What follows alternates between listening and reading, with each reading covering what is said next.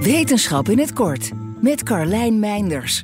Nanodeeltjes ontwikkeld door bio-engineers van de Technische Universiteit Eindhoven en immunologen van het Radboud UMC gaan een overreactie van het immuunsysteem eerst tegen om het immuunsysteem vervolgens een boost te geven. Sepsis is een levensbedreigende conditie waar alleen in Nederland al jaarlijks zo'n 3500 mensen aan overlijden. Bij sepsis raakt het immuunsysteem ontregeld door een infectie met een bacterie, schimmel of virus.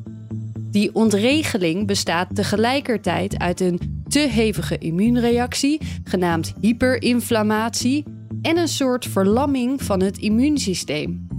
Bij hyperinflammatie raken weefsels beschadigd en kunnen organen uitvallen. Bij immuunparalyse raakt het immuunsysteem uitgeput en verlamd, wat ervoor kan zorgen dat het lichaam niet goed bestand is tegen nieuwe infecties. Al jaren zoeken wetenschappers wereldwijd naar een goede therapie tegen sepsis.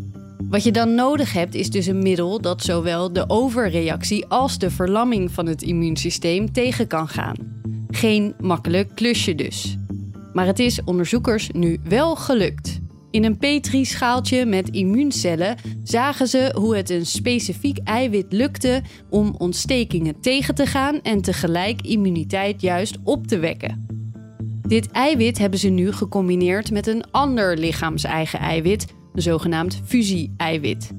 Dit nieuw ontwikkelde fusie-eiwit hebben ze vervolgens ingebouwd in vetdeeltjes om een nanomedicijn te vormen dat heel specifiek interacties aangaat met immuuncellen om sepsis te behandelen.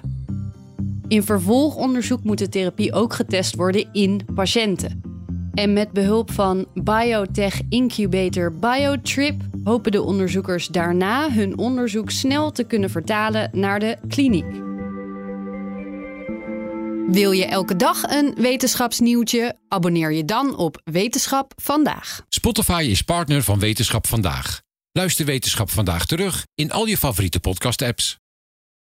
Ook Hugo Reitsma vind je in de BNR-app. Superhandig die BNR-app. Je kunt alle programma's live luisteren, breaking nieuwsmeldingen. Je blijft op de hoogte van het laatste zakelijke nieuws. En je vindt er alle BNR-podcasts, waaronder natuurlijk de belangrijkste, Boeken zijn in de wijk. Download nu de gratis BNR-app en blijf scherp.